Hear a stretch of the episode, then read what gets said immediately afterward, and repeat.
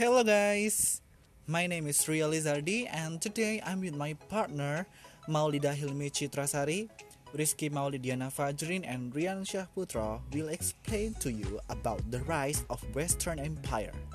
So, we have three subtopics in here. The first is overseas conquest and religious war.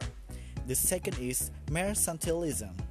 And the last is the emergence of modern science.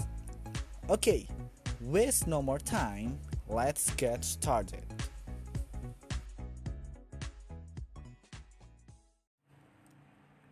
Assalamualaikum warahmatullahi wabarakatuh. My name is Rian Firman Syaputro and I will explain about rise of Western empires. Rise of Western empires began when the Christopher Columbus Christopher Columbus start his journey at 1492 under the Spain kingdom. He traveled to the East Indies via Atlantic Ocean and he arrived in Bahama, America, and named this land as the New World. And when the Portuguese explorer Vasco da Gama unlocked the sea route from Europe to India at 1497 until 1499. The European expansion in, in America Spanish conquer most of the Caribbean islands and attack two of great empires in America, like Aztec Empire and Inca Empire. And they not just expansion. They bring their own culture and economic system and also the religion. And then the Swedes, the Swedes, Dutch, English, and French make several colonies in South America. Many of French missionaries are successful in converting Native American peoples to Catholicism. So, as we know, they bring their own culture and the religion too. So, they change the religion of the Native American from the polytheism to Catholicism. And then contact between the old and new world produced the Columbian exchange. So as we know, when the Christopher Columbus found uh, America, he named America as the new world. So they they name this contact between the old and new world produced the Columbian Exchange. It contains uh, it contains the transfer of uh, uh, they uh, it contains transfer of food like food and animal farm and colonial government buy prisoner from Africa and bring them to America as a slave. So the Westerners need uh, need several uh, what is it mm, assistant to to help them to finish their work. So they buy a prisoner of war and made them as a slave. Expansion in Asia Portuguese controlled port cities in East Indies, India, Sri Lanka, and China. And they bring their own culture too to Asia. And the Dutch came to Indonesia and start their expansion. And Westerners take some important commodity from Asia and bring it to their land.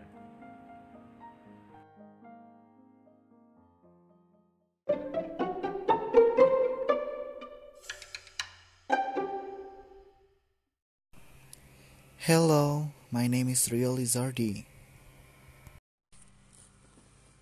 Now I'm going to explain about overseas conquest. So, um, the age of the Renaissance and the Reformation was the beginning of European conquest overseas. So their first purpose to conquest overseas was to expand the resources. Jadi uh, mereka itu awalnya um, berlayar ke luar negara mereka. Itu awalnya tujuan awalnya itu untuk um, research, untuk mencari bahan pokok, untuk mencari rempah-rempah seperti yang kita tahu untuk mencari apa yang mereka butuhkan. Pokoknya research yang tidak ada di negara mereka. Nah, awalnya mereka itu ingin membangun infrastruktur mereka, tapi um, ternyata um, ada motif religinya juga waktu overseas ini, conquest overseas ini and then it leads to religious wars that happened from 1559 to 1648 or we can say these religious wars occurred for 89 years and then at this event um, led to massive unrest people. Jadi perang ini, religious wars ini awalnya itu hanya apa ya? Sebenarnya awalnya itu nggak ada religious war karena tujuan mereka itu awalnya hanya untuk research. Tapi ternyata lama-lama lama-lama kelamaan religious aspect ini affecting gitu loh maksudnya memberi efek memberi dampak pada conquest ini akhirnya ada religious wars yang berlangsung selama 89 tahun. Nah, selama 89 tahun ini itu chaos di negara Eropa.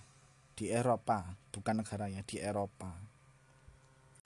Nah, in the end, these wars called the Iron Age brought much of Europe of political and economic disintegration. Jadi, pada saat perang ini berakhir itu namanya itu jadi Iron Age.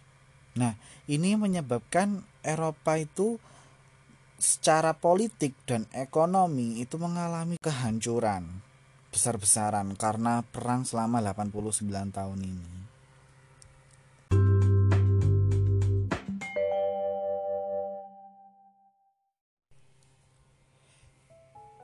So now I will talk about the Portuguese voyages to Africa, India, and Brazil.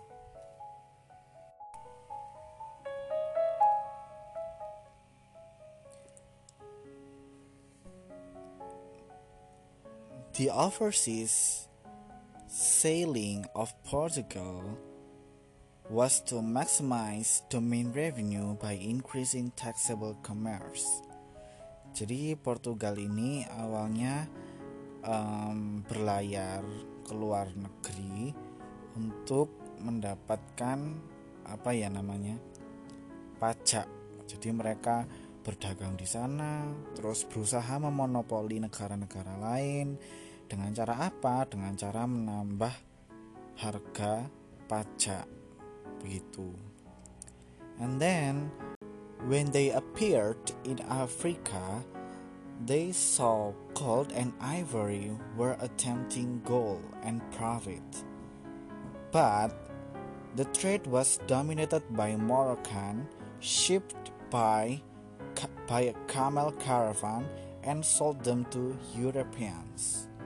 Jadi awalnya itu ketika Portugis ini datang di Afrika, mereka itu melihat keuntungan yang besar dari penjualan gold sama ivory. Tetapi pada saat mereka datang, trade-nya itu um, transaksinya itu didominasi oleh Morokan. Dan cara transaksinya itu melalui camel caravan. Jadi camel caravan itu ya melalui onta gitu lalu dijual ke orang Eropa nah sebenarnya orang Portugis ini um, realize ini terlalu lama. Kalau misalnya um, bisa dikirim melalui jalur air itu pasti lebih cepat daripada harus jalan melalui hewan pakai hewan gitu. Nah after all of these considerations inspired Prince Henry the Navigator to establish a center for navigational development on the windswept bluffs of Sagres at the far southwestern tip of Europe. Jadi setelah pertimbangan banyak seperti itu tadi, um, ini menginspirasi Prince Henry. Julukannya adalah The Navigator untuk menguasai southwestern tip of Europe. Jadi ujungnya Europe. Begitu. So, while Prince Henry establishing southwestern tip of Europe, his captains sailed ever further along to the African coast, trading quantities of gold, ivory, paper, and slaves. Jadi, um, selagi Prince Henry ini menguasai southwestern tip of Europe, kapten-kaptennya dia itu, awak-awak kapalnya dia itu trading ke African coast. Membawa apa? Gold, ivory, paper, and slaves. Nah, their ships were fast. Jadi mereka pakai kapal handy caravels that combine the best features of northern and Mediterranean construction. Nah, jadi kapal mereka itu um, dikonstruksi oleh Mediterranean sehingga bisa cepat. Lalu mereka juga mempunyai kompas. Nah, this compass had been introduced to the Mediterranean probably by Arabian. Jadi yang menemukan um, kompas pertama kali ini berdasarkan buku adalah Arab. Lalu diperkenalkan oleh Mediterranean. Lalu orang-orang Mediterranean ini dipakai oleh Prince Henry. Begitu. And then before the death of Prince Henry the Portuguese adopted the idea of sailing around the tip of Africa to India as their primary goal. Nah sebelum um, kematian Prince Henry Portugis ini mengadopsi mengadopsi idenya Prince Henry untuk um, sailing, sailing untuk berlayar di sekitar ujung Afrika sampai India as their primary goal untuk tujuan utama mereka. By doing so, they hope to get um, direct access to the spice trade. Nah, harapan mereka adalah untuk perdagangan spice. And then in May 1498, Vasco da Gama reached Calicut on the coast of India after a voyage of two years. His arrival disturbed political and commercial relationships that had endured for centuries. Indian and Arab merchants found the newcomers rude and barbaric and their and then their trade goods of little interest. Jadi setelah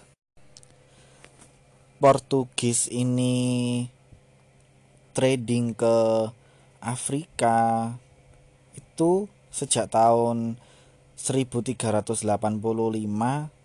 sampai sampai 1498 akhirnya putus terganggu gara-gara Vasco da Gama ini masuk dan dia ini disturbing political and commercial relationships that had endured for centuries. Jadi dia mengobrak-abrik political political laws and commercial relationships at that time. And then orang-orang India dan orang-orang Arab, merchantsnya India sama Arab ini sadar bahwa Vasco da Gama ini rude, barbaric, rude and barbaric. Lalu um, mereka ini akhirnya nggak suka dengan Vasco da Gama. Begitu. Karena apa?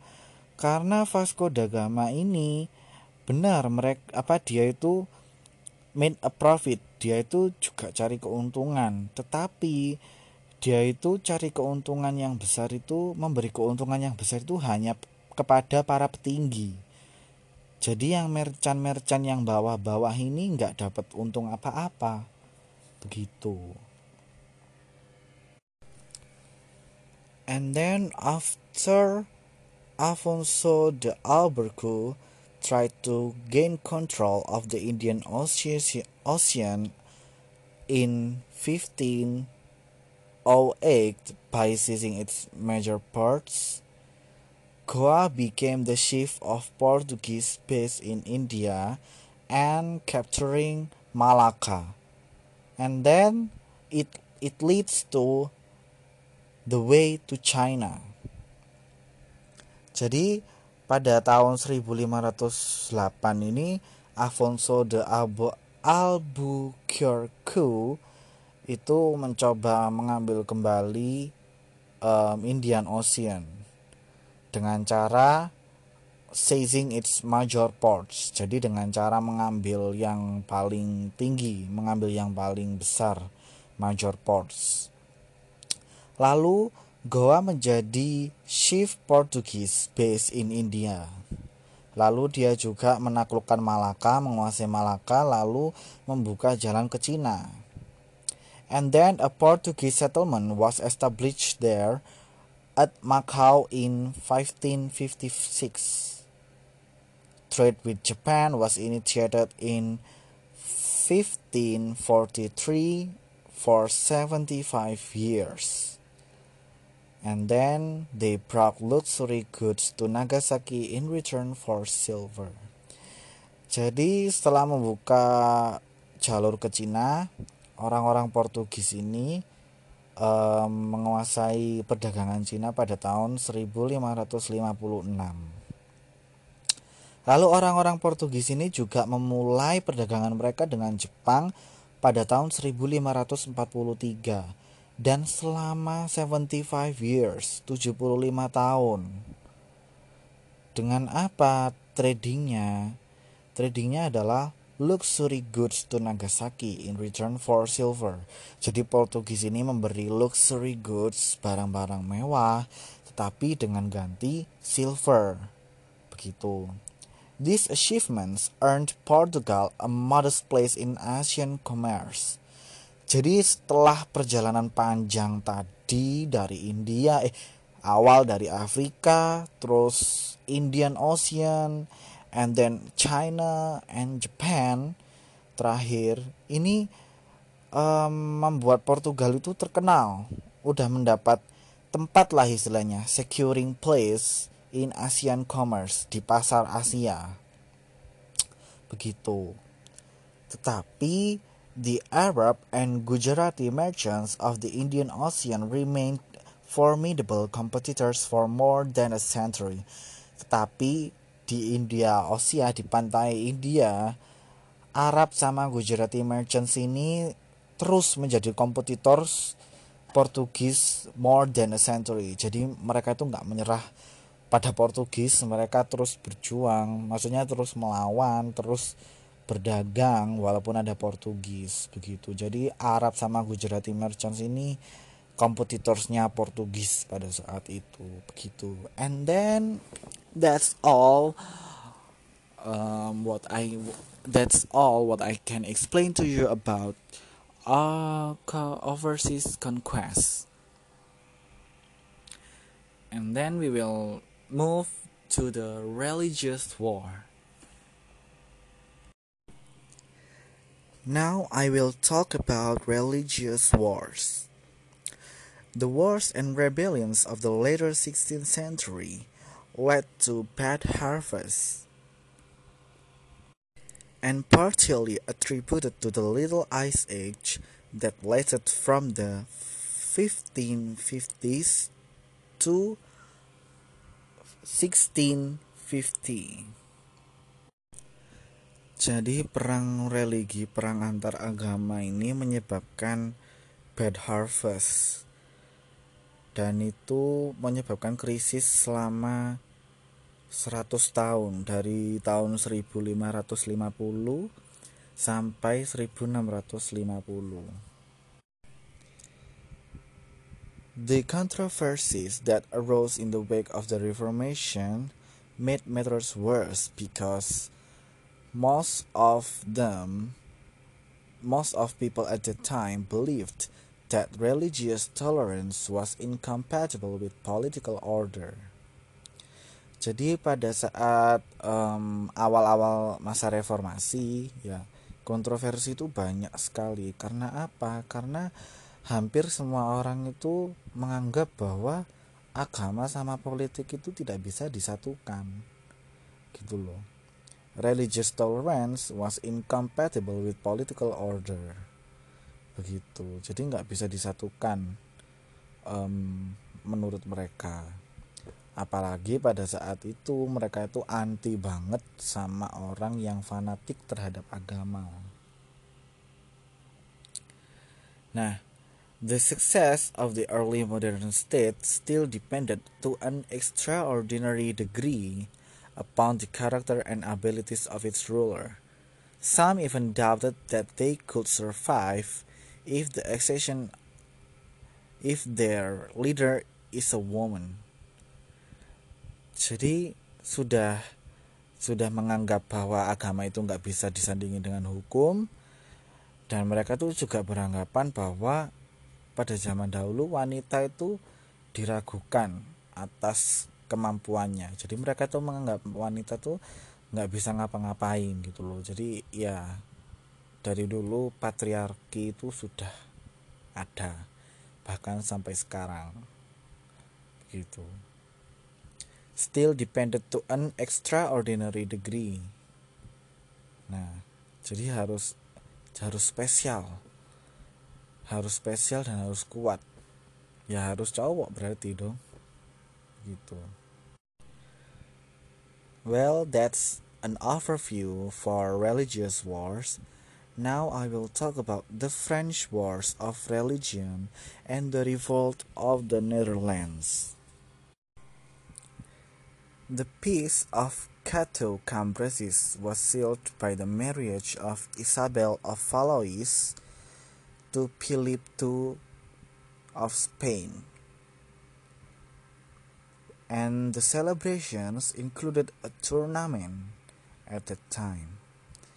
And then the establishment of a regency under the leadership of the Guise family, known as the War of Religion, that lasted until 1598. The Guise were from Lorraine and unrelated to the royal family. And then the Guise family threatened the Bourbons, a clan descended from Louis IX and headed by the brothers Antoine. And they also threat to Henry's widow, Catherine de Medicis. Jadi um, the peace kedamaian di Cateau Cateau Cambresis ini disimbolkan dengan pernikahannya Isabel of Valois dan Philip kedua of Spain. Tetapi guys family guys family ini tidak terima.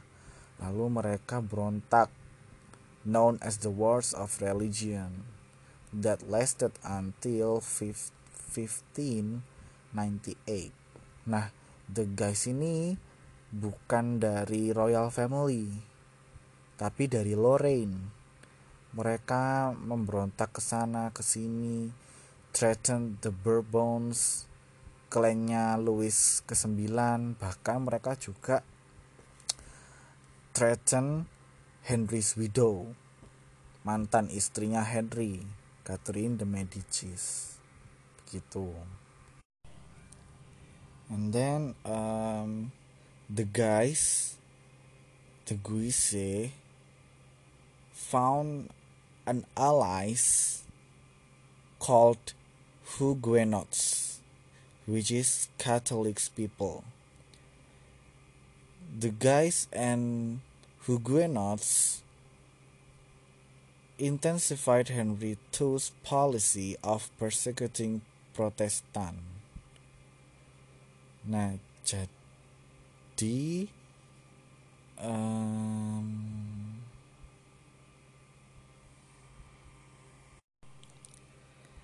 and then at one level of the wars of religion, the guys were also devout Catholics who against Henry II's policy of persecuting Protestant. Jadi the guys ini mencari teman, mencari ally, mencari pasukan dan pasukannya itu mereka yang beragama Katolik. Yang mana mereka eh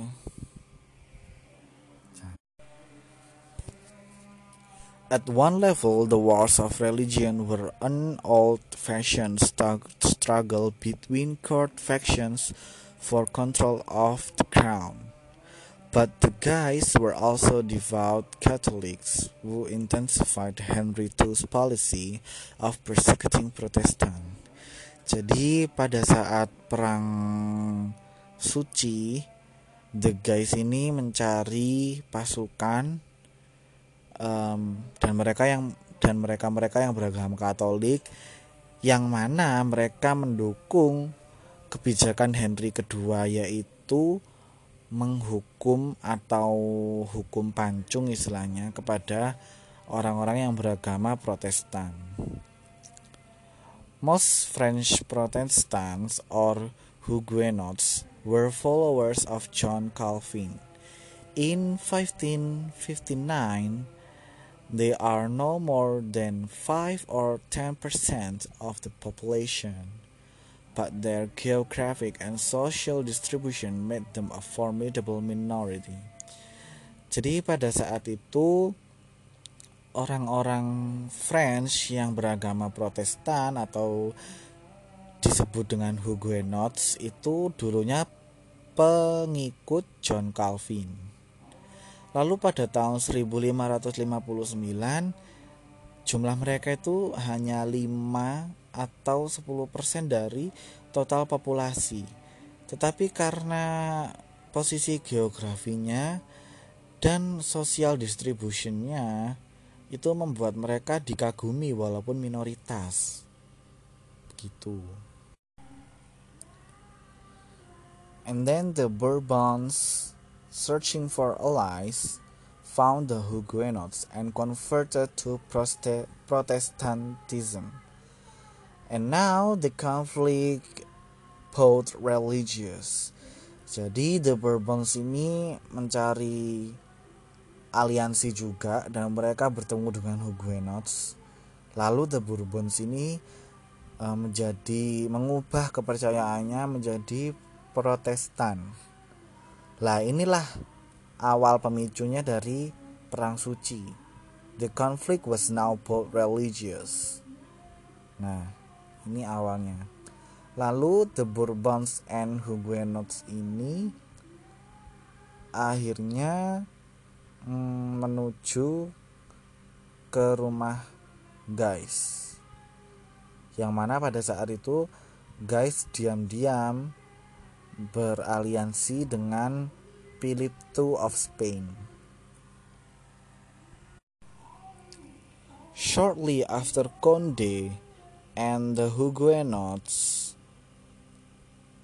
tried to kidnap Francis II, unfortunately, Francis II died in 1560. Why? So, um, at flag. And then Francis II died in 1560, shortly after the Conde and the Huguenots tried to kidnap him at Amboise. But unfortunately, the Huguenots and the Conde failed to kidnap him. And then um, his brother Charles IX killed the killed Francis too. Jadi The Conde sama The Huguenots ini sudah mencoba untuk menculik Francis II tapi gagal. Lalu pada akhirnya Francis II ini ternyata dibunuh oleh uh, saudaranya sendiri Charles IX. Begitu. Nah, kenapa Charles IX ini membunuh Francis II? Karena dia itu dikontrol, controlled by Catherine de Medicis. Nah, jadi Catherine de Medicis ini yang aku sebut tadi sebagai mantan istri Henry pertama itu menghasut Charles IX untuk membunuh Francis kedua. Begitu. Meanwhile, on the other land, the Netherlands had begun their long rebellion against the King of Spain. The 17 provinces of the Low Countries were now the richest part of Europe. Jadi, uh, meanwhile di tempat yang lain, orang-orang Netherlands ini mulai memprotes terhadap King of Spain. Nah, dari dari protes ini 17 provinces of the Low Countries were now the richest part of Europe 17 daerah yang awalnya itu miskin menjadi yang terkaya di Eropa pada saat itu.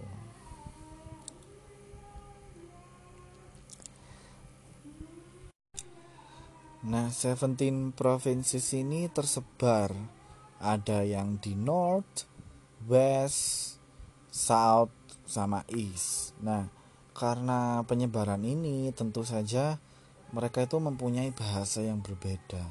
Tetapi uniknya adalah walaupun bahasa mereka berbeda, mereka itu mempunyai um, seni artistik yang mirip dan culture dan tradition yang mirip dan mereka juga easy going terhadap pendatang. Begitu, toleransi mereka tinggi. Lalu pada saat itu pemerintahan was decentralized and inefficient by Philip II half sister Margaret of Parma which controlled taxes and legislation. Nah, jadi pada saat itu pemerintahan itu nggak nggak efisien gitu loh, nggak efisien dan dan apa ya nggak efektif. Dikarenakan apa? Dikarenakan Margaret of Parma ini dia membuat kebijakan seenaknya sendiri, di mana dia ini mengatur taxes and legislation. Begitu. Nah, Texas ini um, kan Margaret ini mempunyai wewenang untuk mengontrol Texas sama legislation. Jadi dia itu menaikkan harga Texas lalu memilih orang-orang terus apa sesuka dia tanpa melihat background, tanpa melihat track record. Jadi akibatnya apa? Texas yang dibayarkan itu melalui Nobel yaitu administrasi istilahnya, administrasi of justice.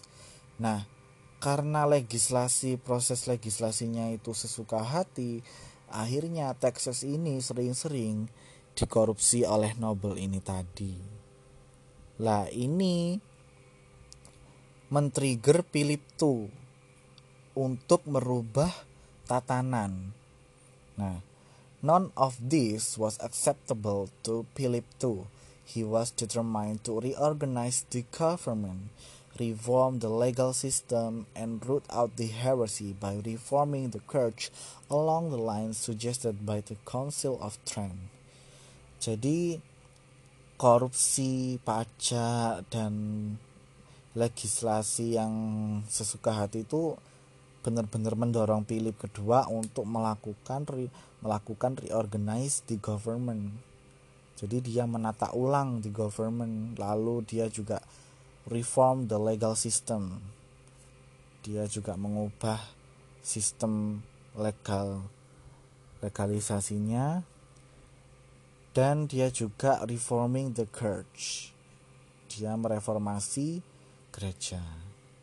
Nah, all of these proposals struck directly at the wealth and power of Netherlandish nobles. Nah, karena semua diubah, itu membuat nobelnya yang korupsi tadi itu kena dampak langsung. Nah, akhirnya Philip plan to reorganize the governing councils weakened their authority. Akhirnya um, rencananya Philip ini dianggap berhasil, begitu loh, dan melemahkan kebijakan nobelnya, karena nggak semua harus nggak semua um, harus melalui gereja dikit-dikit gereja dikit-dikit gereja tidak, jadi ada legal sistemnya, begitu. Nah, and then his reform of the church sought to increase the number of bishops. Jadi ketika dia sudah mereformasi church, itu semakin banyak bishop, bishop yang um, jumlah bishop itu bertambah. Bishop itu lebih um, atas daripada priest. Kalau misalnya di agama kita, priest itu um, pemimpin sholat tetapi kalau bishop itu ustadz begitu nah lalu pada tahun 1566 a wave of iconoclasm brought matters to a head. Nah iconoclasm pada tahun 1566 ini menyerang. Apa apa itu iconoclasm? Jadi kumpulan orang yang merusak gambar gambar-gambar atau patung-patung di gereja yang mensimbolisasikan ketuhanan. Begitu. In some areas, iconoclasm was accompanied by violence. Jadi di beberapa daerah itu bahkan iconoclasm itu memakai kekerasan gitu loh. Philip responded this in shock and danger. In 1567, he dispatched his leading general, the Duke of Alba, to put down what he saw. Jadi dia mengirim the Duke of Alba untuk menghapuskan ikonoklasem ini. Lalu akhirnya Alba berhasil untuk mengusir ikonoklasem ini dan dia memperkenalkan Eh, menerapkan menerapkan sistem pajak pada tahun 1572. Nah, tetapi pada saat itu most of the major cities declared their allegiance to William the Silent. Jadi mereka menolak gitu loh dan berpihak kepada William the Silent, Prince of Orange. Though William was not yet a convert to Protestantism, he attempted to form an alliance with the French Huguenots under the leadership of Gaspard de Coligny and gain new influence with Charles IX. And then um, the situation was doubly perilous of Spain because Philip II. Jadi situasinya itu sebenarnya high risk atau sangat mengancam karena Philip kedua ini karena dia mempunyai Alba in the Netherlands begitu and then the Mediterranean war culminated in the great naval victory of Lepanto but Philip's treasury was once again exhausted. Jadi the Medit the Medit Mediterranean ini menang melawan kerajaan Philip. Gitu lalu kerajaan Philip mengalami kekalahan dan kerugian. Dan more than 5,000 Protestants were killed by Catholic mobs gitu and then the Duke was recalled in 1573 and his successors were unable to bring the revolt under control. Nah, akhirnya Duke ini dipanggil kembali pada tahun 1573, tetapi his successors, anaknya, tidak bisa uh, melanjutkan wewenang kewajiban Duke ini di di daerah tersebut yaitu namanya Alessandro Farnis Duke of Farm, Duke of Parma. Akhirnya um, sorry sedikit revisi. Um, akhirnya Duke ini kan dipanggil pada tahun 1573 tetapi anaknya itu nggak bisa mempertahankan under control nah karena goyah Margaret Son Alessandro Farnis, Duke of Parma, akhirnya bisa merebut Spanish. Begitu, karena ketidakbejusan the Duke's successors. Begitu. Lalu di daerah itu itu diperkaya dengan transaksi yang lancar, lalu keamanan yang terjamin, bahkan dia itu mempunyai waterline of three broad rivers yang dinamakan the Rhine, the Maas, and the Waal. The new republic was almost invulnerable to Spanish attack. Jadi ke kesempurnaan apa namanya bentengnya itu hampir nggak bisa ditembus sama Spanish. Begitu. Lalu William akhirnya um, masuk ke Protestan sebelum dia dibunuh secara diam-diam oleh Spanish agent pada tahun 1584. Nah, karena ini karena kematian William ini sangat mempengaruhi um, kota tersebut ya. Yang apa namanya yang katanya tadi nggak bisa ditembus oleh Spanish attack ternyata bisa. Akhirnya Philip II ini mengambil kesempatan untuk memerangi Huguenots.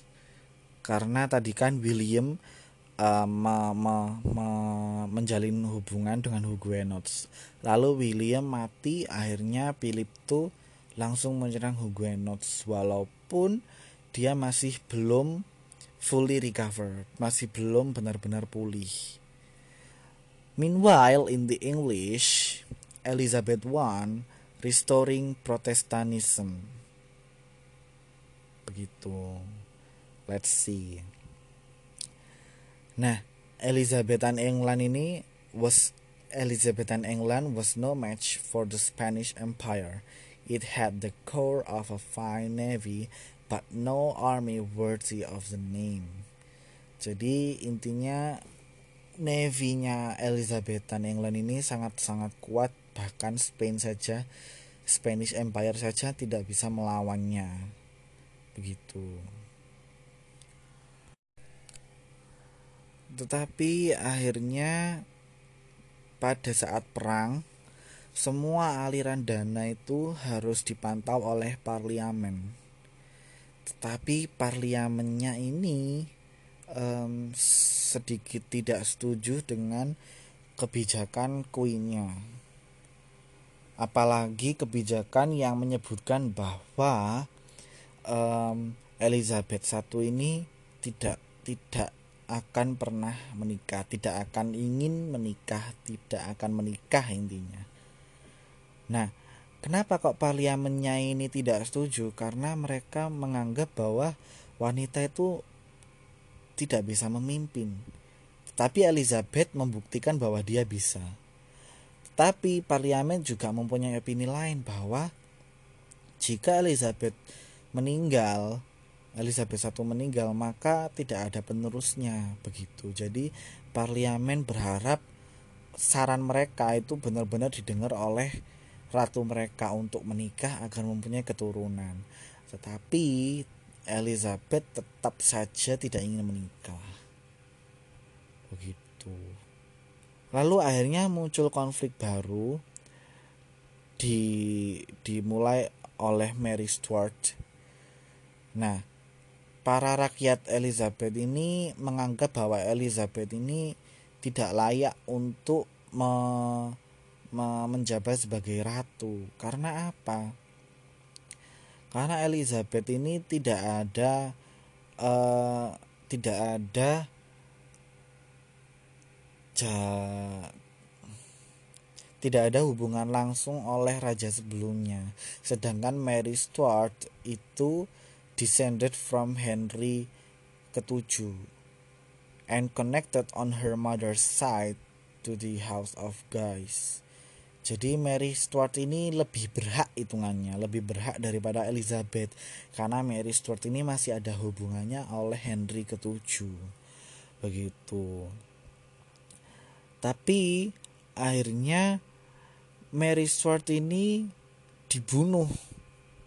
Kenapa? Karena dia itu diduga akan melakukan pemberontakan terhadap Elizabeth.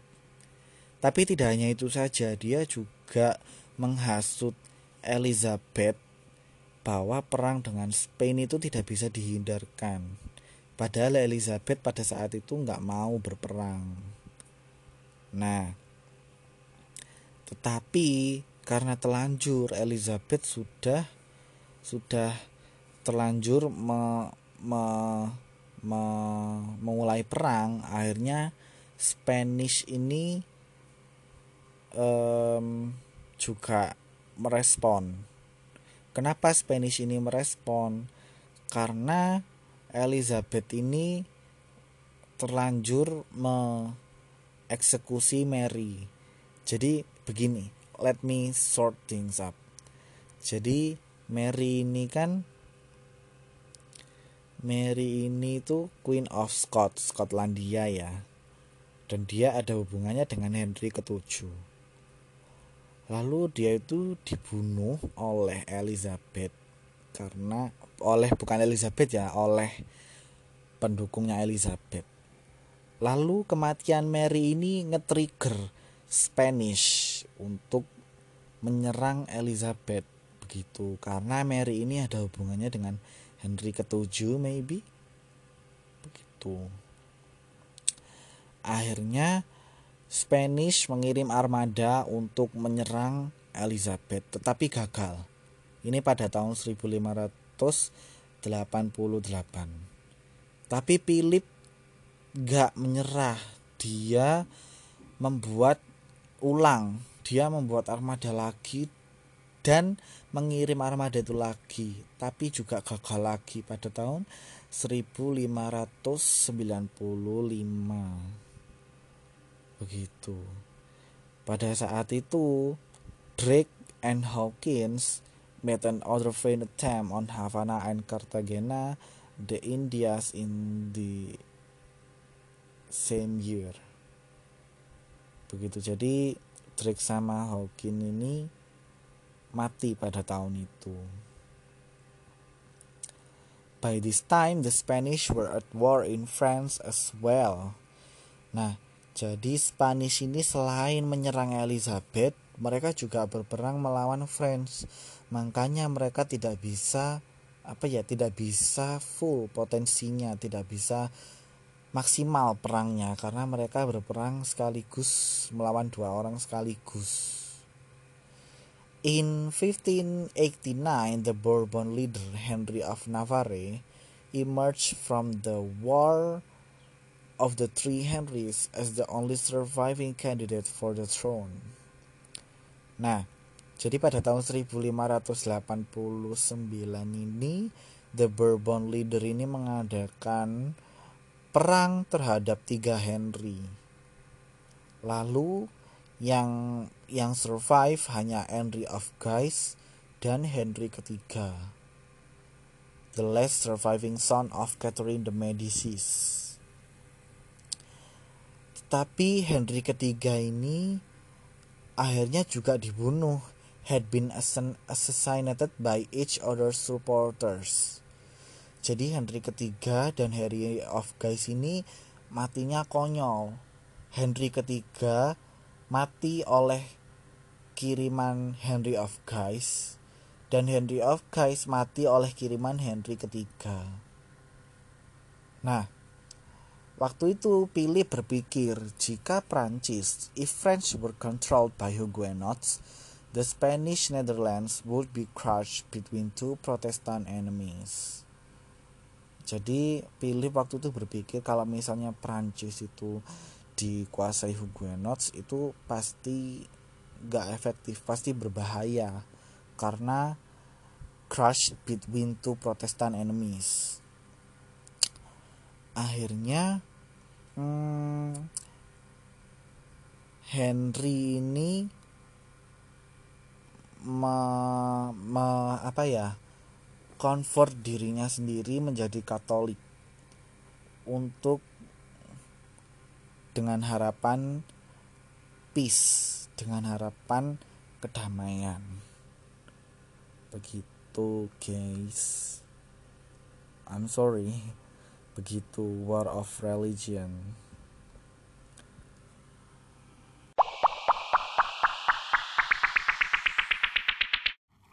Hi, I'm Rizky Maulidina Fajrin and I will explain to you guys about mercantilism. Uh, but the first, we have to know what is mercantilism, right? Uh, mercantilism is a national economic policy that is designed to maximize the export and minimize the import of a nation. Jadi yang seperti kita tahu kalau di zaman dulu itu tidak menggunakan uang sebagai alat pembayaran atau alat tukar, tapi menggunakan logam mulia seperti emas dan juga perak. Dan logam mulia ini digunakan sebagai standar ukuran kekuasaan suatu negara dan dengan mem, mereka berpikir kalau dengan memaksimalkan ekspor mereka akan dan meminimalkan impor mereka itu bakal memperkaya diri karena memiliki lebih banyak pemasukan pada negaranya. And now cause of mercantilism. At first, Renaissance did not accept the religious doctrine of medieval Europe. And it is explained materialism is one of the mediums of human happiness. Jadi tuh semua orang itu pasti bermimpi untuk memiliki dan menjalani kehidupan yang bahagia dan sejahtera. Dan karena inilah mereka berpikir kalau merkantilisme itu harus ada karena dengan merkantilisme ini tuh mereka merasa bahagia karena mereka kan memiliki banyak harta And secondly, the fall of feudalism was another cause for the rise of mercantilism. Jadi itu dengan jatuhnya feudalism, nasib pertanian itu hancur. Jadi itu mendorong industri skala kecil. Jadi itu kota-kota itu menginginkan peningkatan industri pertanian ini. Jadi mereka itu mengekspor kelebihan mengekspor kelebihan produksi mereka dan ini menyebabkan munculnya mercantilism. And thirdly, the Reformation movement encouraged the merchants. Jadi itu reformasi mendorong pedagang untuk melakukan merkantilisme ini. Jadi hasil gerakan reformasi yang dijalankan oleh Martin Luther, Luther dari Jerman dan Henry ke-8 dari Inggris itu masih jauh dari jangkauannya. Jadi mereka mengutuk intervensi paus yang tidak perlu dalam urusan politik dan ekonomi kecuali agama. Seperti yang kita tahu kalau di zaman dulu itu gereja-gereja itu masih memiliki kekuasaan pada politik dan juga ekonomi. Tapi karena reformasi ini, para pedagang itu merasa terdorong untuk melakukan merkantilisme di luar dari keluar dari kekuasaan gereja. And fourthly, the wealth and banking system gave great impetus, impetus for the crowd of mercantilism. Jadi itu serikat pekerja bertindak sebagai pusat distribusi dan mengekspor surplus ke negara-negara luar. Ini tuh mendorong perdagangan internasional yang diatur dengan baik oleh sistem perbankan. Jadi dengan ini merkantilisme itu bisa tumbuh dan juga berkembang. Fifthly, the geographical discoveries encourage merkantilism. Jadi itu penemuan-penemuan geografis itu juga mendorong adanya merkantilisme. Itu tuh seperti perjalanan laut yang dilakukan oleh Columbus, lalu Vasco da Gama dan yang lain-lainnya. And sixthly, political patronage established mercantilism on sound of footing. Jadi itu para raja mendorong para pedagang untuk berdagang. Dan raja-raja seperti Henry dari Portugal, dan Ratu Elizabeth dari Inggris itu melindungi para pelaut mereka. Jadi, perlindungan yang mereka buat itu mendirikan merkantilisme dengan pijakan yang kuat. And the last is scientific invention and discoveries help a lot in the growth of merkantilism. Jadi itu penemuan-penemuan itu juga membantu dalam adanya merkantilisme seperti teleskop yang ditemukan oleh Galileo yang membantu para pedagang dalam perjalanan mereka, lalu kompas yang bisa membantu para pedagang untuk menentukan arah jika mereka sedang berlayar di lautan. And now I will explain about mercantilism policy. The first is creating colonies abroad. Jadi itu mereka menciptakan koloni sebanyak-banyaknya di luar negeri and then prohibiting the colony to trade with another countries. Jadi tuh mereka tuh melarang daerah koloninya untuk melakukan perdagangan dengan negara lain. Jadi tuh seperti hasil yang ada di negara koloninya ya untuk mereka sendiri.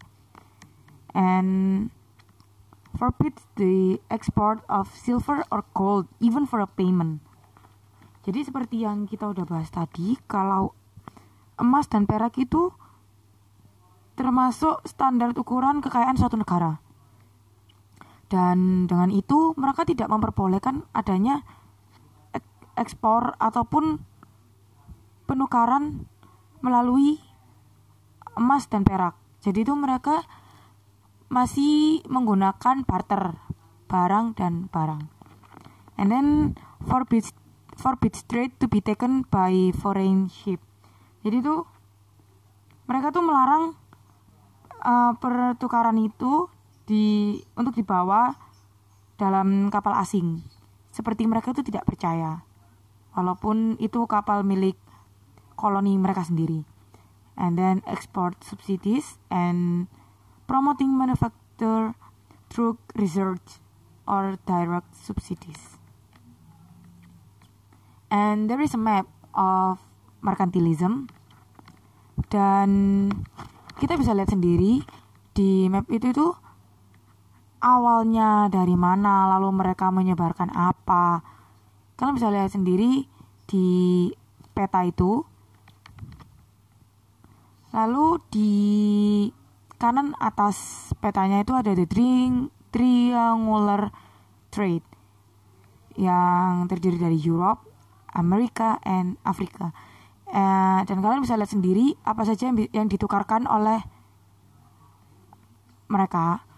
Yang seperti Europe menukarkan manufaktur ke Amerika dan Amerika menukarkan raw materials ke Europe and Europe give manufacture to Africa and Africa give slave to America.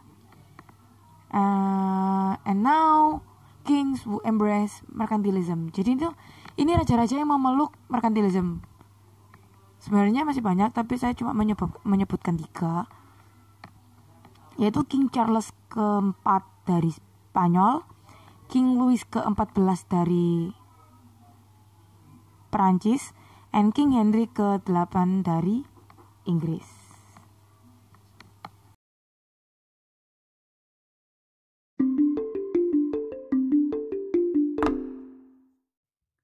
My name is Maudie Michitrasari and I will explain about the emergence of modern science.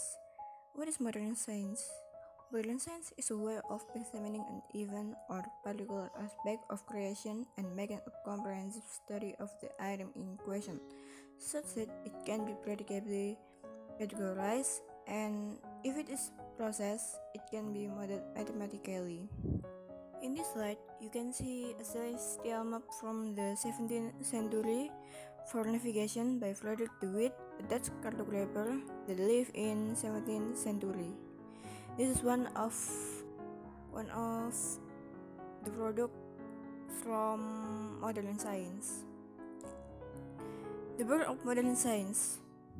The early modern period stretched roughly from the 15th through the mid 18th centuries. This period includes the scientific revolution and the birth of modern philosophy, and also significant transformation in mathematics, mechanics, optics, astronomy, chemistry, biology, and medicine.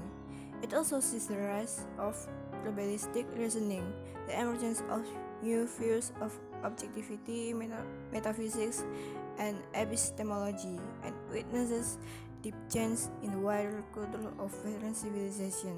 Jadi waktu modern science ini udah ada perubahan signifikan di matematika, teknik, uh, astronomi, kimia, biologi, dan obat-obatan.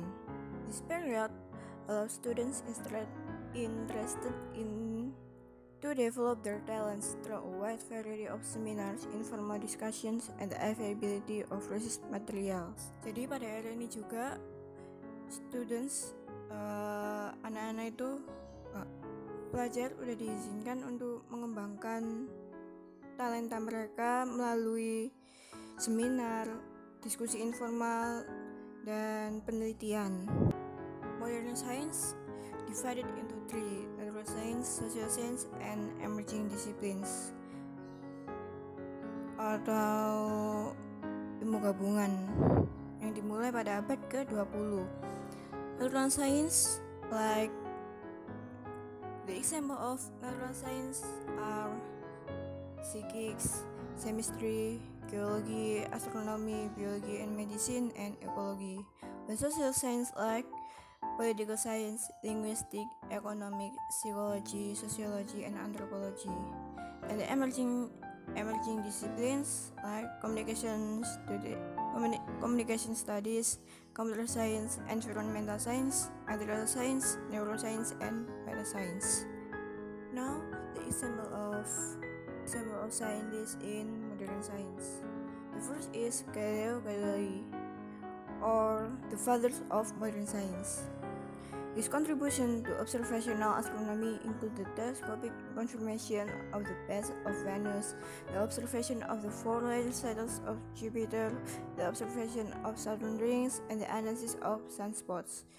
Jadi penemuannya Galileo Galilei ini kayak di astronomi itu ada teleskopik konfirmasi teleskopik dari fase dari fase planet Venus kemudian pengamatan satelit terbesar empat satelit terbesar di Jupiter dan pengamatan cincin di Saturnus. The second is Copernicus. The work of Copernicus is The Revolutionibus Orbium Coelestium Libri 6 or sixth book concerning the revolutions of the heavenly orbs, was the opening shot in revolution whose consequences were greater than those of any intellectual event in the history of humankind. The third is Tycho Brahe. Given the limitations of the naked eye for making accurate observation, he devoted many of his efforts to improving the accuracy of the existing types of instrument, the sextant and quadrant. Jadi bisa dilihat di slide itu ada dua karya Tycho Brahe, the sextant and the quadrant. And the last one is Isaac Newton. Newton was both an experimental and a mathematical genius, a combination that enabled him to establish both the Copernican system and a new mechanics. His method was simply itself, from the phenomena of motions to investigate the force of nature, and then from this force to demonstrate the other phenomena. Jadi Newton ini mempelajari keduanya, eksperimental dan seorang jenius di bidang matematika. Dan akhirnya dia juga membuat karya yang ada di set itu. Filosofi Naturalis Principia Matematika. Sekian dari saya.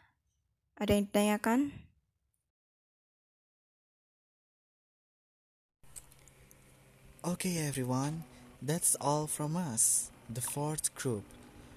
We have presented to you the rise of the Western Empire. But if you have any question, please kindly write down your question in the WhatsApp group. Thank you and see you again. Ah, yes. Please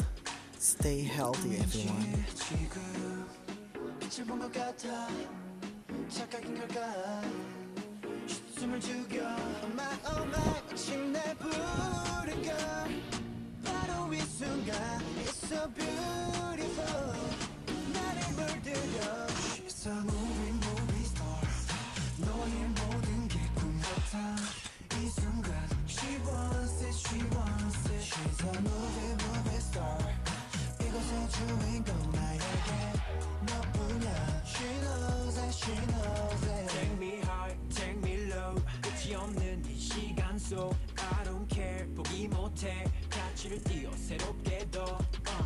끝이 없는 미로처럼 잡히지가 않는 갇혀버린 하루하루. Yeah, yeah. 환상 위를 걸어. 이건 꿈일까 죽여 My oh my 기다려왔는 걸 아주 오래 난 It's so beautiful 내게 펼쳐져 She's a movie movie star 너의 모든 게 꿈 같아 이 순간 She wants it she wants it She's a movie movie star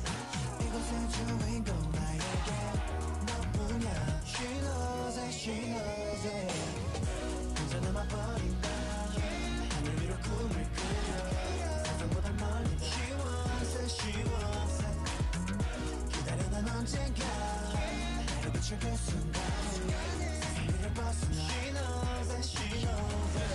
내게 다가온 이 운명의 고리 다 정해져 버린 듯해 우리 길이. Lights, camera, action 짜여진 direction. 이끌린 채 여기로 달려왔어. uh. 끝이 없는 터널 속 내게 비친 한 줄기. 마치 맘이 술래가 된 듯해 나 상처 속을 걸어. 매일 넘어서 가보고 싶어